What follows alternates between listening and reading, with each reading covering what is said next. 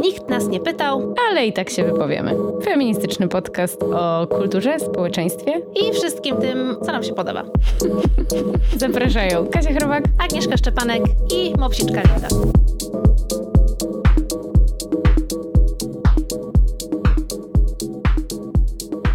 Halo, halo, dzień dobry, drogie słuchaczki, drodzy słuchacze i osoby słuchające. Dzień dobry. Dzisiaj nadajemy z Kasią wieczorową porą. Nie wiem, kiedy będziecie słuchać, ale my nagrywamy wieczorową porą. Dobry wieczór. I co? I my dzisiaj będziemy rozmawiały o feministycznym eseju, który Was bardzo natchnął do różnych rozważań feministycznych. Jako, że lubicie takie odcinki, to my po prostu postanowiłyśmy kontynuować tę tradycję związaną z publikacją takich odcinków a ten esej jakoś wydaje nam się przeszedł w ogóle bez echa na polskim rynku wydawniczym, a przetłumaczyła go Agazano, więc jakby hello, to jest od razu rekomendacja. to prawda, no. Ona same dobre rzeczy tłumaczy. Więc jak Aga to tłumaczy, tłumaczy, to znaczy, że to będzie coś dobrego. Więc postanowiłyśmy pochylić się nad tym e, krótkim, ale bardzo zwartym i napakowanym esejem tak, w zasadzie znajdziecie w tym eseju wszystko to, o czym lubimy z Agą gadać. Czyli oczywiście będzie tam o niebezpiecznych związkach kapitalizmu i patriarchatu. O patriarchacie w takim wcielonym w nas, wcielonym, no, no, nomen omen, mhm. e, takim w, uwewnętrznionym, z którym trudno się rozstać nawet czasem świadomym feministkom. O jakichś takich podwójnych standardach i pułapkach myślenia feministycznego. Tak, no i o samych wyzwaniach, które sam feminizm, ten najnowszy, rzuca trzeciofalowy. Nam, tak, nam osobom z doświadczeniem kobiecym które próbują jakoś uporządkować swoje myślenie o świecie, żeby było jak najbardziej fair mhm. i zastanawia się, co tutaj zrobić, ale okazuje się, że to nie jest takie proste. Ale może nie budujmy już dłużej tego napięcia i powiedzmy... o jaki esej chodzi? Jaki esej chodzi? Jak zwykle do brzegu zanim dopłynęłyśmy, no trochę minęło, więc tak. Jest w tytule. Jest tytuł odcinka, no ale co? Jest to Imar McBride. Mhm. Jest to irlandzka powieściopisarka, ale też eseistka. I chodzi o esej wydany nakładem wydawnictwa Pauza, które polecamy bardzo. Coś nie tak, kobiecość i wstręt. Tak jest. No i jak można się domyślić po tytule, mhm. analizuje ona kobiecość, czy też ko kobiety w kulturze przez właśnie kategorię wstrętu, ale też tabu. Tak. No i przechodzimy przez kategorię przez... ciała versus mięsa. To jest tak. też bardzo ciekawa jakaś te, tutaj językowa metafora, którą ona dosyć daleko jakby nią gra e, na różnych przykładach. No i mam, że zacznijmy od tego właśnie wstrętu, bo tam jest jeszcze od wstrętu ona przechodzi też do wstydu, zawstydzania tak. i takiego autowstrętu też i autowstydu, ale może zacznijmy od tego brudu. No dobrze, to zacznijmy od niego. Bo to było bardzo ciekawe, co napisała, że tak naprawdę brud jest czymś normalnym i codziennym, mhm. czymś, co, z czym się często spotykamy. Też co zwalczamy co zwalczamy, co usuwamy, do, do pewnych miejsc tylko jakby spychamy, ale jak ona trafnie zauważa, to, to było coś, co mnie zaskoczyło. To jest, że brud to jest coś, co w szczególnym kontekście tylko jest brudem. To znaczy, mhm. ta sama rzecz może nie być brudem w innym kontekście. Tak. Podaję taki świetny przykład y, ciasta, mhm.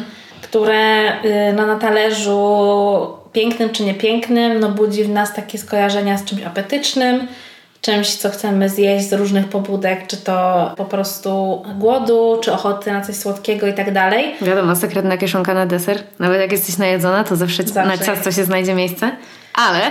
Ale gdyby ten sam kawałek ciasta położyć już na podłodze w toalecie, no to już się, się wydaje trochę mniej apetyczne. Zdecydowanie. I ona właśnie tutaj ubiera to w taką metaforę materii nie na miejscu. Tak. I właśnie pokazuje, że ta kobiecość kulturowo bardzo często była tą materią nie na miejscu, że ona się bardzo zmieniała, to co jakby nam wolno, a czego nie wolno, co jest doskonałe w nas, a co jest niedoskonałe. I że tak naprawdę cała ta taka otoczka związana z kobietą jest jakby utkana wobec tego zakazu i tego, co ten zakaz ma w kobietach wzbudzać, ale co też wzbudza w innych, jeżeli one go na przykład nie przestrzegają. Tak, i że zwłaszcza jest budowany ten, że ta dyscyplina wobec tego, gdzie jest miejsce kobiety, jest mocno budowana na tym, jak jest traktowane jej ciało. I wiemy o tym, że w różnych jakby kulturach, religiach, systemach, nie wiem, społecznych, kobiety mają jasno określone miejsce, gdzie, gdzie mogą bywać, gdzie nie mogą. Są w niektórych właśnie systemach traktowane jako nieczyste lub czasowo nieczyste, w zależności od tego na przykład jaki, na jakim etapie menstruacji są. To w ogóle znany przykład, ale szokujący zawsze to, że, że reklamy, w reklamach podpasek nie pokazuje się krwi, tylko jakiś niebieski, tajemniczy niebieski płyn. Tak. Jakby nie było wiadomo do czego służą podpaski. Tak, albo że no, reklamy związane z pielęgnacją skóry pokazywane są na młodych, młodych modelkach, no i różne tego typu absurdalne y, przykłady. Więc generalnie ona jakby całą osią tego swojego eseju tworzy, jakby tka wokół tego, że kobieta jest uprzedmiotowiona i jakby z czym się wierzy, wiąże to uprzedmiotowienie, że to nie jest tylko, że ona oczywiście jest tym ciałem mhm. przede wszystkim, że nie ma tej podmiotowości, a jeżeli to ta podmiotowość jest zbudowana na takich kategoriach, które są bardzo zmienne, no i przede wszystkim nieokreślane przez nią samą. I też jest bardzo często takim po prostu mięsem. I no mięsem, które no jak pokazuje te konotacje związane z mięsem, że to ciało jednak przynależy do człowieka, czyli w tym takim androcentrycznym świecie, który jednak człowieka stawia w centrum, no jednak... A daje, mięso do zwierzęcia. Tak, stawia jakieś granice w związku z tym, co możemy w, zrobić z tym ciałem i na co ono zasługuje, mhm. a jednak to mięso, które jest właśnie zwierzęce, jak już tutaj powiedziałaś, i związane jest przede wszystkim z postrzeganiem zwierząt jako pożywienia, mhm. no to jest już oczywiście, nie ma tych samych praw, co to ciało, tak? Mhm. No i tutaj zaczyna się cała ta zabawa związana z pokazywaniem różnych przykładów na tle naszych dziejów. Tak. I też różnych tekstów kultury, no bo tak. mi się tak. tutaj wiele na przykład filmów przypomniało, wiesz, to co mówisz, że mięso, okej, okay, pożywienie, ale jeśli nie służy do jedzenia, to służy do czegoś innego. Tak. Można je wykorzystać do pracy na roli, albo do transportu, albo do pozyskiwania, nie wiem, skór, albo różnych rzeczy i od razu mi się tutaj uruchamia skojarzenie e, z opowieścią podręcznej oczywiście, mhm. która po prostu czemuś służy. Plus no, ona tutaj dużo pisze, y, McBride dużo pisze o tym, że ciało kobiety i seksualność kobiety jest ok, pod warunkiem, że jest skorelowana z płodnością, więc tutaj jakby ten, ten, to wszystko, o czym jest opowieść podręcznej, bardzo mocno jakby rezonuje mhm. dla mnie z tym, z tym esejem. No właśnie, więc jakby ta służba taka, nie? To, to wykorzystywanie. Tak, no ale to wykorzystywanie też jakby ma różne oblicza, no bo z jednej strony może być takie bardzo nakierowany na jakąś funkcję, czyli na przykład właśnie podtrzymywania gatunku. Mhm. No ale też z drugiej strony, no ta płodność się kiedyś kończy, no i kończy się w, tak naprawdę według tych takich standardowych wierzeń, a może nawet nie wierzyć, tylko po prostu postrzegania kobiet kulturowo, jako no koniec kobiecości, że też te opowieści są do jakiegoś czasu, do tej czasu jakiegoś na przykład 40, 50 i potem już jakby nie ma tej kobiety, nie? Już mhm. po prostu i skoro ona już jest po menopauzie, no to ona już co może być w niej atrakcyjnego, nie? Że ten seks i ta seksualność w ogóle nie jest tą opowieścią, nie? Mhm. Tak, wręcz jest nie na miejscu, jeżeli... W... Jest w tym tabu, o mhm. którym ona też bardzo mhm. dużo pisze. Mhm. No i pokazuje, że tak naprawdę to tabu budowane jest wokół bardzo wielu aspektów, no ale też pokazuje je na przykład na przykładzie tego, jakie ono może siać spustoszenie i tego jakby co jakby jest wymagane, oczekiwane mhm. i na przykład jest taki tam przykład, jeżeli chodzi o ciało dziewczynki na przykład. Ten wstręt i to y, już wychodzi od takich naj,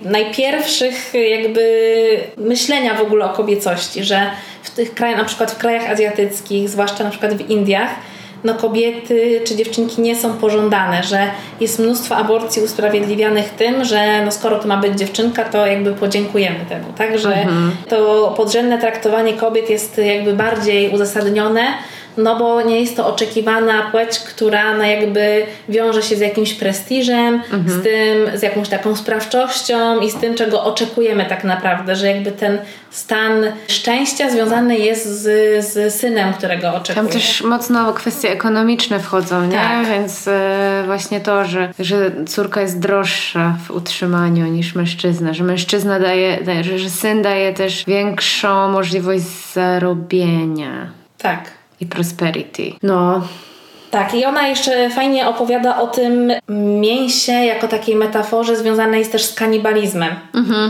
Bo mówi, że jakby to też fajnie wiąże z kolonializmem i mówi, że te opowieści kolonialne też nie były jakby bezprzypadkowo związane z tym, że trzeba było najpierw wzbudzić tą niechęć do tych, tych których się kolonizuje. Tak. Czyli te wszystkie takie opowieści nieprawdziwe o tym, że ci czarni ludzie gotowali tych białych kotłach. W kotłach tych y, białych zbawców, którzy przybyli z misją i po W prostu... ogóle wiesz, taka ikonografia też jak, jak diabeł gotujący grzeszników. Tak, dokładnie.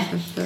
No to oni po prostu musieli uzasadnić jakoś tę podrzędność, którą chcą na, narzucić tym osobom, tak? Mhm. Tak samo działa ten mechanizm związany z, z uprzedmiotowieniem i kobiet.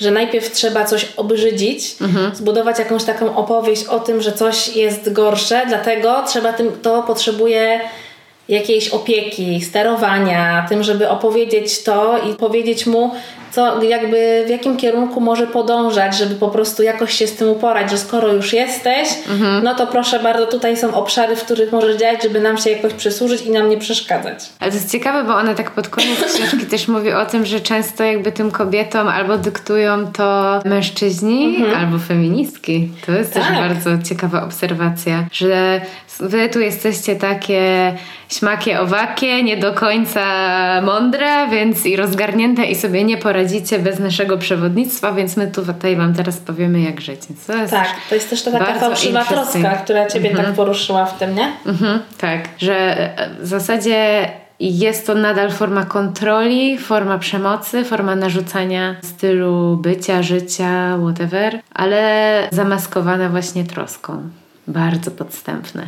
Bardzo. No i ona oczywiście przechodzi też przez takie rzeczy, które są dosyć oczywiste być może, no ale myślę, że warto wciąż o tym mówić, no bo jednak ten kapitalizm ciągle nam sprzedaje kolejną wizję tego, czego nie mamy, żeby być ładniejsze, bardziej dopasowane i tak dalej. No i nie ma się tutaj co oszukiwać, że ten mit urody po prostu jest tutaj bardzo rozbuchany i wciąż są do niego przypisywane nowe znaczenia. No i to jakby co teraz nawet obserwujemy przez tą siłę obrazu, jaką dają media społecznościowe, zwłaszcza Instagram, na co ona w ogóle zwraca uwagę, że jakby ta siła tego obrazu zawsze była taka zniewalająca i też e, używa tych metafor, o których mówiła Susan Sontag, że po prostu to jest takie pożerające, takie coś, co niesie spustoszenie tak naprawdę. No i to Tak. jest jakby w odniesieniu do tego, że właśnie ten obraz sprzedaje tą wizję tego piękna i tego, czego nie masz, ale jak tylko kupisz ten produkt, to będziesz bliżej tego ideału.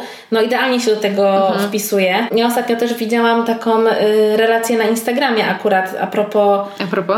a propos tego, że jakby to, ile rzeczy nam się wmawia, że jest nam potrzebnych, jest po prostu herbatę. już absolutnie niebywałe, że od jakiegoś włosingu, że nigdy nie pomyślałeś, że coś z twoimi włosami jest nie tak, jeżeli dopóki ktoś nie powiedział, że halo, halo, tutaj są teraz przecież można włosy podzielić na takie i takie, że powinnaś mieć dopasowany szampon do tego, tego, srego, że masz cały po prostu rytuał związany z myciem włosów, gdzie robiłaś to po prostu instynktownie przez całe życie, używając po prostu szamponu i odżywki, to teraz nie, jest mnóstwo, i mnóstwo innych rzeczy. Ja jestem bardzo odporna na to. Albo mam żel w trzy w jednym do wszystkiego, albo mam szampon w kostce. No to ty jesteś, widzisz, tym przykładem, który nie dał sobie wyprać mózgu, ale... W tym akurat obszarze, no Tak. bo w innych pewnie mam wyprany.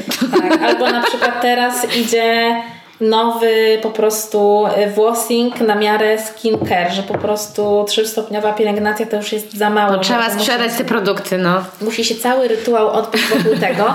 No i oczywiście to jest kierowane do pewnego sektora, którym są kobiety.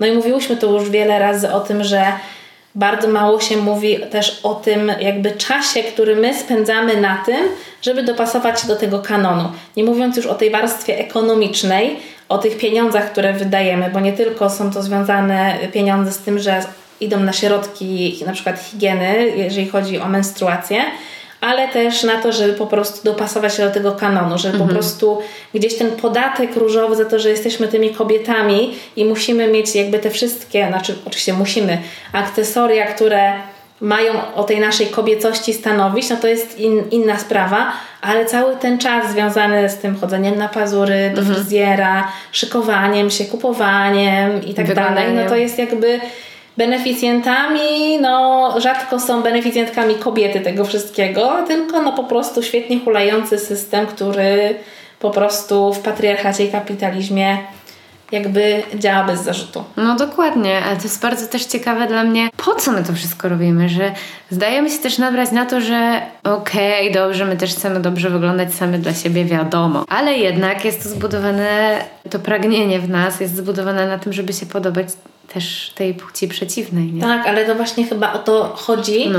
że ty już sama nie wiesz, jakby, czy ty no. to robisz dla siebie, czy nie. No bo o wielu rzeczach byś nie pomyślała tak naprawdę. I teraz ta dziewczyna, o której to widziałam, już teraz niestety nie pamiętam, ale mówiła, że kiedyś by w ogóle nie pomyślała, że coś jest nie tak z jej ustami. Mhm. A teraz jakby wszyscy powiększają sobie usta, więc jakby jest taki moment, gdzie jesteś bardziej podatna na to, że na przykład jakbyś, jakbyś teraz miała 20 lat, to pewnie bardziej byś myślała o tym, że tak, musisz to zrobić, niż teraz, gdzie masz trochę bardziej jakby takie krytyczne spojrzenie, że jednak to się sprawdza, że po 30 masz trochę bardziej wylane na to wszystko mm. i po mm. prostu już oh yes. I don't care. Po prostu it is how it is tak. i po prostu z tym działam do końca swojego życia. Więc jakby fajnie, że można trochę odpuścić, ale jakby i tak na banie wjeżdża, nie? No wjeżdża, wjeżdża. wjeżdża. Że po prostu ja mogę powiedzieć, że muszę mieć zrobione pazury, kocham brokat i te wszystkie inne rzeczy, ale jak się nad tym tak naprawdę zastanowić i kiedy czasami mam takie momenty, że absolutnie nic ze sobą nie robię, żadnego makijażu, po prostu dres i tak dalej, to jest to dla mnie forma wytchnienia i czy ja tak mhm. naprawdę to jestem ja, mhm. czy to jestem ja stworzona przez to, że już nie mogę inaczej o sobie myśleć niż bez tego całego anturażu. Tak, no ja przestałam się malować jakiś czas temu ale też się oczywiście przejmuję tym, jak wygląda moja cera. Mhm. I Która jest flawless. Zdradzę Wam sekret, że no najlepiej moja cera wygląda, jak nie piję alkoholu i jak śpię 8 godzin. Niemożliwe. Mhm. Odkryła sekret. To ona. Sprzedawcy kosmetyków jej nienawidzą. Dokładnie. No ona bardzo dużo mówi o tych narracjach, które tworzymy, które są stworzone na temat kobiecości. A jeszcze chciałam do Susan Sontag no. coś wyrzucić, bo mówiłaś o tym właśnie pożerającym obrazie i o sile obrazu mhm. i ona rzeczywiście no, ta kultura wizualna naprawdę zmienia nasze mózgi.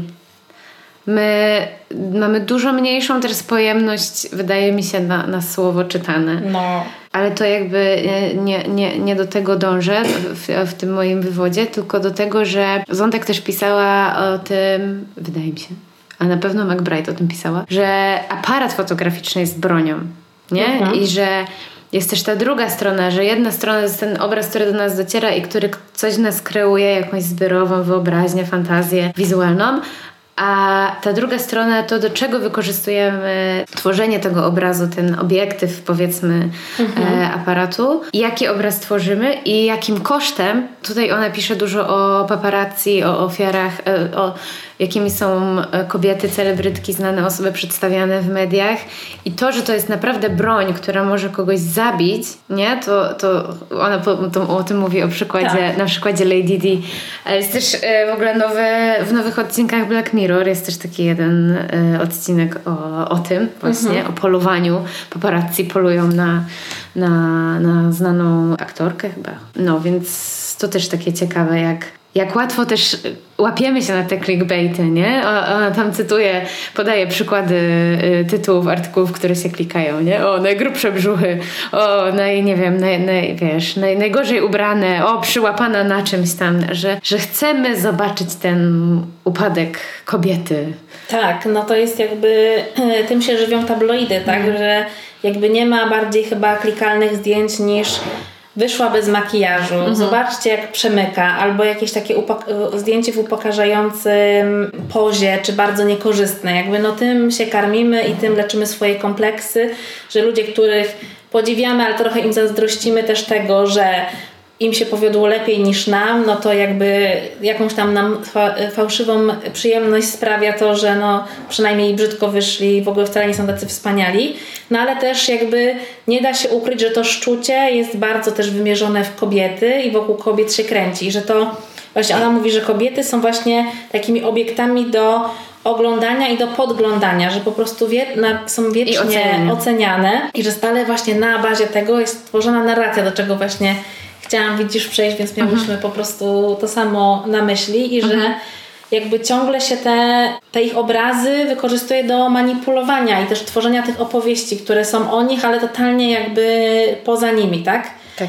Więc machina jest po prostu bezlitosna, bo jakby no w internecie już nie ma tak, że coś jakby po prostu zniknie, no będzie tam już tak, tak naprawdę na zawsze. No ona mówi o tych też takich mechanizmach związanych oczywiście z cancel culture, z doxingiem, tak, i z tym w ogóle no, możliwością po prostu zbierania informacji na czyjś temat i ich po prostu ujawnienia, więc to narzędzie kontroli jest jakby jeszcze bardziej jakby wzmocnione, nie? Plus mówi też o czymś, o czym już mówiłyśmy też w niejednym, a kilku przynajmniej odcinkach podcastu, czyli o takim już najgorszym sposobie na upokorzenie kobiety, czyli wyciek sekstaśmy, tak. o którym dana osoba nie wie, nie? Tak. Albo na przykład zdjęcia, jak to było w przypadku Jennifer Lawrence chyba, nie?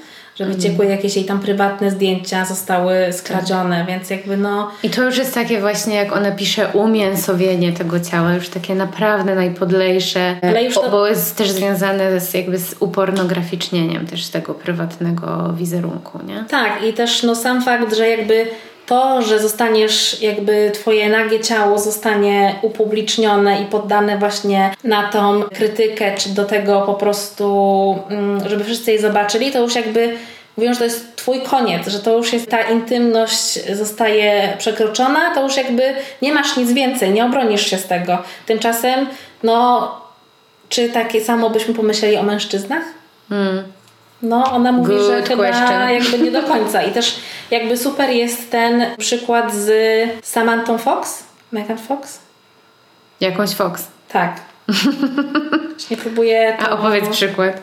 No ona tutaj mówi, że zanim stała się znaną y, producentką, ja to też mam piosenkarką i tak dalej, no zasłynęła tym, że w wieku 16 lat Sam Fox, tak, zgodziła się być twarzą kampanii Topless Mhm. I zaczęła od takiego modelingu, jakby zarabiając na swoim ciele, do czego też zachęcała ją jej mama, że jakby skoro się pojawia taka okazja, dlaczego z niej nie, nie skorzystać. No i ona po latach twierdziła, że absolutnie to nigdy nie spotkała się z żadnym nadużyciem, nigdy nie zostało to użyte jakby przeciwko niej, jakby wymierzone w nią to, że jakby w taki sposób zaczęła swoją karierę, a dopiero później przeszła do jakby takich poważniejszych rzeczy, bo zebrała ten kapitał, mhm. żeby móc po prostu się wybić.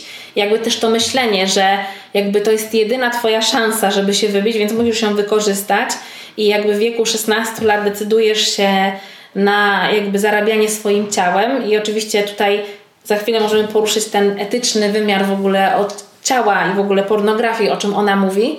No ale mówi, że na przykładzie Fox, że to do końca jakby chyba nie jest takie po prostu niewinne i że to tak naprawdę nic ją nigdy złego nie spotkało i jakby to wszystko było takie w ogóle easy i bez złego doświadczenia, bo kiedy była producentką płyty jakiegoś tam znanego zespołu, to jednak została podpisana z panieńskim nazwiskiem swojej mamy. Więc jednak mhm. wiele osób nie chciało jej y, nazwiska, bo kojarzyło się no jakby z pewnym obrazem jej, że jednak ten obraz został utrwalony w tej Fox jako tej 16-latce Topless, która od tego zaczynała, że jednak tak. ta Twoja reputacja będzie zawsze za Tobą szła, no bo jednak jesteś przede wszystkim uprzedmiotowieniem tym swoim ciałem, mięsem i tak dalej. Nie cokolwiek byś potem nie zrobiła, no to po prostu udowodnienie tego musisz po prostu 10 razy bardziej pracować, żeby zasłużyć sobie na ten szacunek, bo jednak to ciało wciąż jest jakby tym, co o, o tych kobietach świadczy. Tak, no tragiczny case też, no może nie tragiczny, bo żyje, ale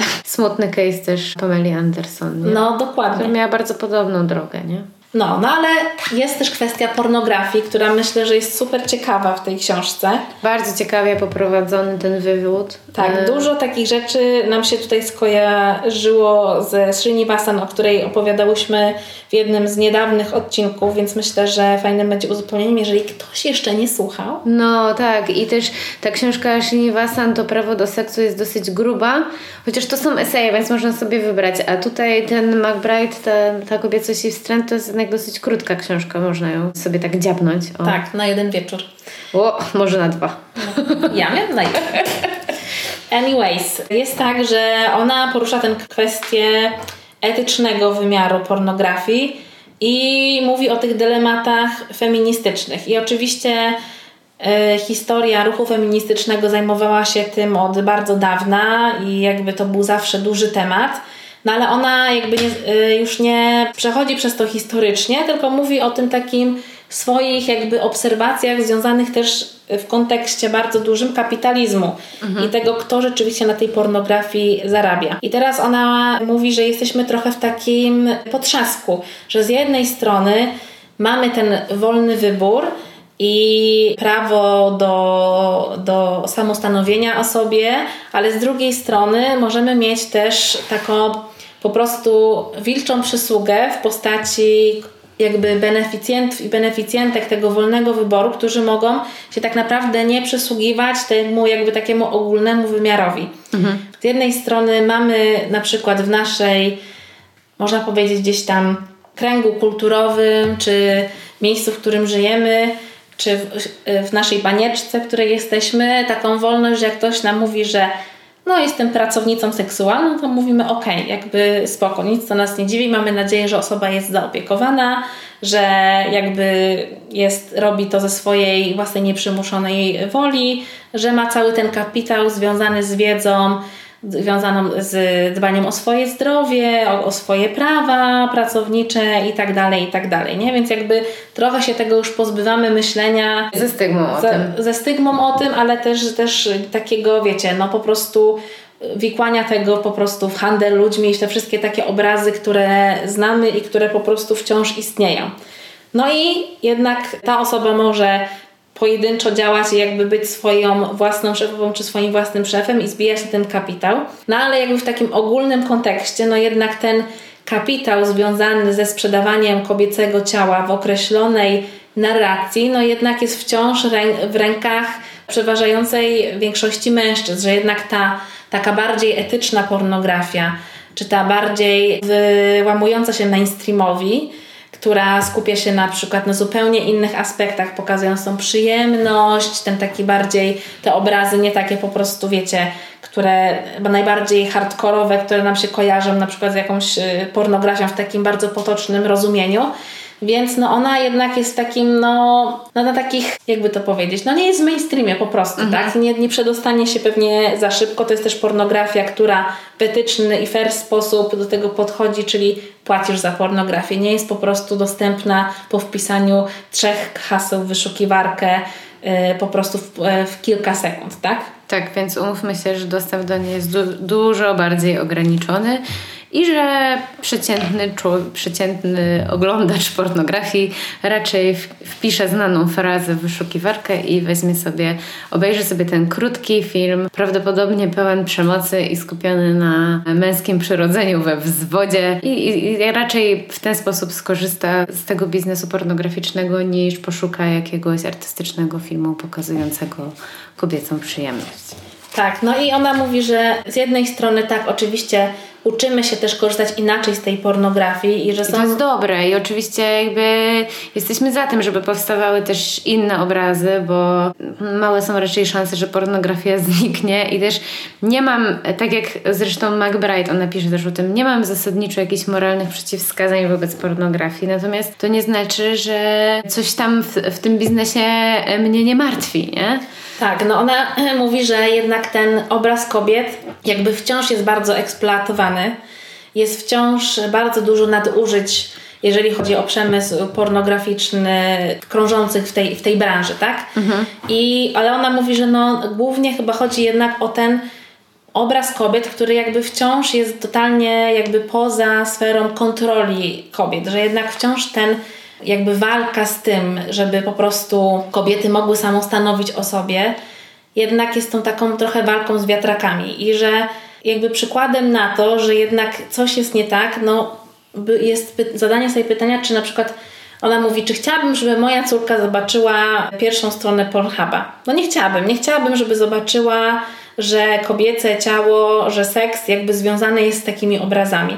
No i oczywiście tutaj są jakby, każdy z nas ma jakieś swoje wyobrażenia na ten temat, na temat seksualności, seksu i tak dalej i tak prędzej czy później ten obraz trafia do młodych osób, tak? No ale właśnie zastanawiamy się, jak on trafia. Czy na przykład, jak widziałaś go jako młoda osoba, no to nie było to dla ciebie niepokojące, jakby co tam się dzieje w tych obrazach z kobietami, no bo dla mnie było bardzo to niepokojące i ja się mhm. po prostu bałam filmów pornograficznych, mm. bo dla mnie one były właśnie pełne przemocy i po prostu... No bo takie są w większości i potem im więcej tego oglądasz, tym bardziej się do tego przyzwyczajasz. No też o tym gadałyśmy właśnie przy okazji książki Prawo do seksu, nie? Więc to też jakby w... rozmawiałyśmy wtedy o tym i też Srinivasan o tym super pisała, że, że to kształtuje potem jakieś nasze pożądania i to, co nam się z seksem i ze stosunkiem i ze spełnieniem kojarzy. Tak, Więc... że jakby wciąż te obrazy związane z przyjemnością są tam pokazane w taki sposób, że partnerzy zawsze szczytują razem, że ten seks wygląda w taki, a nie inny sposób i tak in, a inaczej traktujesz drugą osobę. I jakby jej problem, jakby to, to w, jak, w czego ona problematyzuje, mówi, że jakby to jest w jaki sposób my budujemy jakby tą nową seksualność, opowieść o naszej podmiotowości jako kobiet, mhm. jeśli ona jest jakby wciąż jakby w takich, no po prostu takim zamknięciu tego, tego męskiego spojrzenia, mhm. że to jakby wciąż jest y, ta sama narracja, że my się wcale z niej tak naprawdę nie uwolniłyśmy i że jakby wciąż jesteśmy w to uwikłane w jakiś sposób i że są jakieś oczywiście małe rzeczy, które gdzieś to tam burzą, ale czy możemy tak naprawdę wyjść z tej podwójności, że z jednej strony mamy tą swobodę i wolność i samostanowienie w niektórych kręgach kulturowo, mhm. kulturowych czy miejscach na świecie, ale że jak mamy, jak opowiadać o pornografii i o w ogóle wolnym wyborze bez moralizowania. Bo my się wydaje, że też trochę to teraz zrobiłyśmy mimo No wiadomo, oczywiście, no tak. I czy to w ogóle jest możliwe? No to jest trochę właśnie ta, y, to jest jedna z tych e, pułapek myślenia feministycznego, nie? No bo w pewnym momencie i też to jest pułapka po prostu myślenia binarnego, że coś jest tak. dobre albo złe i ona też przed tym w tym przestrzega i myślę, że to jest w ogóle clue przemyśleń jej tutaj mhm. zawartych, że jeżeli chcemy naprawdę pogadać o tym zjawisku i o problemach, które to zjawisko, jakim jest przemysł pornograficzny, generuje, to nie możemy się opowiadać tylko za lub przeciw, czyli mhm. mówić jestem za pornografią, bo jestem e, pozytywna seksualnie, jestem proseksualna i, i jakby świadoma właśnie swojej seksualności i mam prawo do tego, żeby wyrażać swoją seksualność, jakby spoko, ale to nie rozwiązuje wszystkich problemów, ale też nie rozwiąże tego mówienie, nie, pornografia całe, w całości jest zła i powinna być totalnie zakazana, bo te dwie drogi nie rozwiążą problemów, o których ona pisze i tutaj je zacytuję. Zacytuj. Nie wolno tu zapominać o wciąż aktualnych problemach z powstrzymywaniem pornografii dziecięcej, a także z pochwytywaniem i karaniem osób zaangażowanych w tworzenie i rozpowszechnianie treści pornograficznych opartych na przemocy, podstępie lub chęci zemsty. Jesteśmy świadkiniami ogromnego wzrostu liczby ofiar handlu ludźmi zmuszanych do występowania w filmach pornograficznych, więc te problemy są. I to, że powiemy za lub przeciw, białe albo czarne, jakby dobre albo złe, whatever, to nie sprawi, że te problemy znikają. Więc jeżeli chcemy naprawdę o tym gadać, te mhm. problemy rozwiązywać, to musimy wejść trochę głębiej i odważyć się na to, że może wypowiemy niepopularne opinie, nie? Lub mhm. i po prostu mieć w sobie otwartość na to, żeby zmienić zdanie. Tak. Wydaje mi się, że ona właśnie pokazuje, że przede wszystkim, tak jak powiedziałaś, że nie ma jakby tej odpowiedzi, ona sama jej nie daje i też mówi, że jakby dla niej ten esej będzie pełen gdzieś tam uproszczeń, bo już na samym początku mówi, że jestem świadoma istnienia feminizmu intersekcjonalnego, jestem jego zwolenniczką, ale na jakby potrzeby jakby uproszczenia wywodu i pisania mhm. eseju no będę się posługiwała wyrażeniem my kobiety, mając oczywiście tak. jakby cały background związany, że oczywiście absolutnie nie mamy wspólnoty mhm. doświadczeń i że to nie jest tak, że walczymy o jedną sprawę i w ogóle... Nie jesteśmy monolitem. Nie jesteśmy monolitem, to o czym ona mówi i jakby super jest też ta konkluzja jakby do czego ona wraca e, w tym wszystkim i ona to wszystko nazywa problemem e, podwójnej stagnacji i wydaje tak. mi się, że to jest świetny termin, tak. który pokazuje właśnie tą podwójność, którą mamy i tą stagnację związaną z tym, że właściwie w tej dyskusji jesteśmy wciąż w tym samym miejscu i że być może ona jest nierozstrzygalna, ale to nie znaczy, że nie powinniśmy o tym rozmawiać i ciągle tego niuansować. Totalnie rozmawiajmy. Tak, i ona mówi, że to jest jakby, jakby problem postfeminizmu. Ja mhm. trochę nie wiem, co to znaczy według niej ten postfeminizm, bo ona tego w ogóle nie niuansuje. Czy to jest tak, że po trzeciej fali już nie ma feminizmu, już kończymy i to jest już jakiś post, czy jakby przyszła czwarta, jakby mhm. i nie wiem, co ona tutaj trochę ma na myśli i takie jest to dla mnie trochę no... No może właśnie to ma na myśli, że trzeba trochę, żeby zniuansować, porozbijać te kamienie milowe feminizmu na mniejsze kamyczki i gdzieś tam poszperać w szczelinach też tego, co być może tam gdzieś umknęło, nie? Tak, no i, ona... i też co się zmieniło, no bo świat się zmienia, feminizm ma kilkadziesiąt lat jego historia i każda dekada w zasadzie przyniosła coś nowego. Tak, no i ona właśnie mówi, że jakby tym naszym wyzwaniem jest y, właśnie zapytanie się, kogo dotyczy ten dylemat, o kim zapomina. Jakby cała ta dyskusja, o kim wciąż zapominamy i w jaki sposób sprawić, żeby o wszyscy, że jakby, Boże, jakby to już chyba milion razy powiedziałam dzisiaj, i w jaki sposób sprawić, by o wszystkich osobach ona była z doświadczeniem kobiecym, ale mhm. no też chyba nie tylko, bo wydaje mi się, mhm. że ona tutaj właśnie mówi o tej toksycznej męskości, ale my same chyba się już dawno zgodziłyśmy, że feminizm jest dla wszystkich i no, raczej. dla mnie to rozszerzanie jakby dys dyskusji o feminizmie też tyczy się mężczyzn, bo oni też powinni tu wnieść tą cegiełkę związaną z czasem na redefinicję siebie i tego, mhm. żeby odzyskać tą męskość, nie? No byłoby super. I jest jeszcze jedna najwspanialsza rzecz, którą ona pisze. No. A propos tego, że możemy się zapędzić w taką pułapkę tego, że w sumie wszystko jest beznadziejne i nie wiadomo co zrobić. I ona mówi, no, że jakby trzeba trochę wstrzymać swoje konie. Nie ma innego świata, nie było też innych złotych czasów, że, w których kobiety i mężczyźni tańczyli, uwaga, na łąkach równości. To piękne sformułowanie. Że to po prostu jest wszystko in progress, mhm. że dużo się już udało, udało zrobić, że wciąż gdzieś ta dyskusja idzie do przodu, no ale z drugiej strony jest w tej podwójnej stagnacji, tak, że jakby jesteśmy w jakimś takim punkcie, w którym trochę ta dyskusja utknęła. Mhm nie wiem, czy to jest, czy tak to też czytasz. No tak, tą podwójną stagnację tak właśnie czytam, że trochę może z obawy przed nadmiernym moralizowaniem lub z obawy przed tym, żeby właśnie, że nie chcemy kwestionować tego, co mówią nam inne kobiety, mówię tutaj my jako my feministki, mhm. że z obawy przed tym może właśnie nie wchodzimy głębiej w tę dyskusję. Ale wydaje mi się, że ona jednak daje trochę inną odpowiedź. A jaką? Bo teraz mi się wydaje, że jakby, nie jakby, że wydaje mi się, że konkluzją jest, tej książki jest jednak to, że ona proponuje przepisać tą kulturę na nowo. Mhm. Że bez tego, że nie ma idealnego wzorcu, wo wobec do którego mogłybyśmy dążyć, że nie możemy też do czegoś wrócić, tak? Bo nie było biegania na łąkach równo, równości wspólnego. No. I że bardzo często powtarza w tych wywodach, że nie do końca jakby ten nasz, to nasze odzyskiwanie na przykład no. tej seksualności się udaje, no bo to jest wciąż w ramach męskocentrycznego tak. systemu patriarchalnego y, napędzanego kom, konsumpcjonizmem i kapitalizmem. No i ona mówi, że jedyne co można zrobić to przepisać wszystko na nowo. Mhm. No i tym kończy i jakby mówi have fun. Powodzenia, no, no, no, no, no.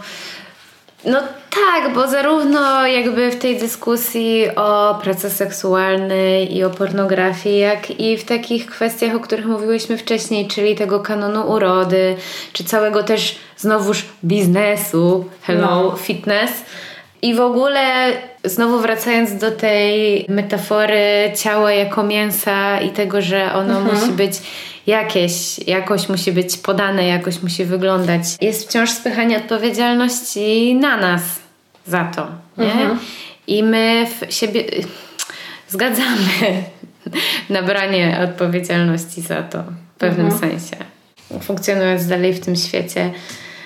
No, piękne to jest założenie, że okej, okay, przepiszmy to na nowo. Pytanie, jak to zrobić, żeby nie popaść e, w dawne mhm. przyzwyczajenia myślowe? Ja myślę, że ona nie też nie mówi, że ma jakąś receptę na to, no mhm. bo nie ma i nie mówi też, że jest taka ta recepta, ale ona zaprasza do tej dyskusji, mhm. żeby zastanowić się jakby co dalej. Mhm. O co, co dalej z tym wszystkim, bo te problemy są. My jesteśmy w różnych momentach, ale raczej zastanawiamy się wciąż nad tym, co się może zmienić mhm. i jakby jak funkcjonujemy w obrębie tego, co dobrze znamy, ale czy to nam tak naprawdę wystarcza? I no. jak tworzyć ten nowy, lepszy świat? No nie wiem jak, ale po prostu róbmy to. Bój się i rób. Dokładnie tak. Najwyżej zbłądzimy. Jeszcze wracając do tej podwójnej stagnacji, bo wydaje mi się, że to jest takie wielowymiarowe pojęcie, które bardzo pasuje do rozkmin wszystkich takich feministycznych mhm. i do rozkmin po prostu o doświadczeniu bycia kobietą i posiadaniu y, kobiecego ciała czy kobiecej ekspresji, bo tutaj jest też, są takie fragmenty, które bardzo przypominają ten, mm, ten monolog e, Ameryki Ferrery z mhm. filmu Barbie o o tym. Glory Steinem. Tak, że to jest niemożliwe być e, kobietą, to jest po prostu niemożliwe. To są takie sprzeczności e, do pogodzenia, że z tego też ta stagnacja trochę wynika, nie? Że musisz być sexy, ale nie możesz być slutty. Musisz odnieść sukces, ale mieć też e, udane życie rodzinne. Musisz jednocześnie być asertywna, ale też miła i, i, i jakby milion po prostu sprzeczności do pogodzenia.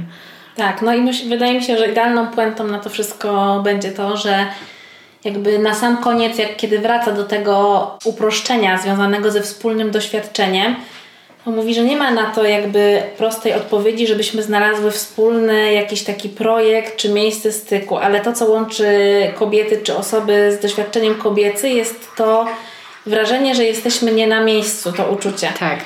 I że to jest jakby, jakby od tego powinniśmy się odbić. Mhm. I to jest właśnie to, do czego powinnyśmy dążyć. I na koniec może być cytat. Dawaj. Droga do unicestwienia wstrętu zaczyna się od kobiet. Musimy się starać zauważyć go i rozpoznać. Skończyć dopiero wtedy, kiedy nauczymy się odrzucać wstręt na każdym kroku i nauczymy tego wszystkie inne i wszystkich innych. Dopiero wtedy, jak powiedziałaby Mary Douglas, otaczające nas tabu opadną, a porządek świata zostanie przepisany na nowo. Pięknie, piękne Więc zakończenie. Jakaś tam mała recepta jest. Jest. Super zakończenie. No dobrze. Zachęcamy do lektury. Zostawiamy Was z tym mętlikiem. Tak. Ale myślę, że to była super lektura.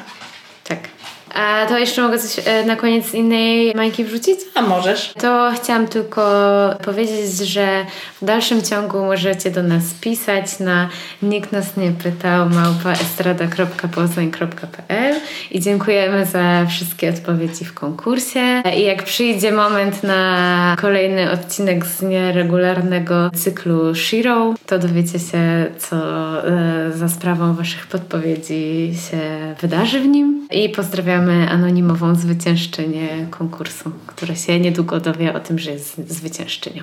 Exactly. No to pa! To pa! Nikt nas nie pytał, ale i tak się wypowiemy. Feministyczny podcast o kulturze, społeczeństwie i wszystkim, co nas zainteresuje. Zapraszają Kasia Chrobak i Agnieszka Szczepanek. I Mopsieczka Linda. Tak, czasami. Producentem podcastu jest Estrada Poznańska. Wszystkie odcinki znajdziesz na estradapoznań.pl.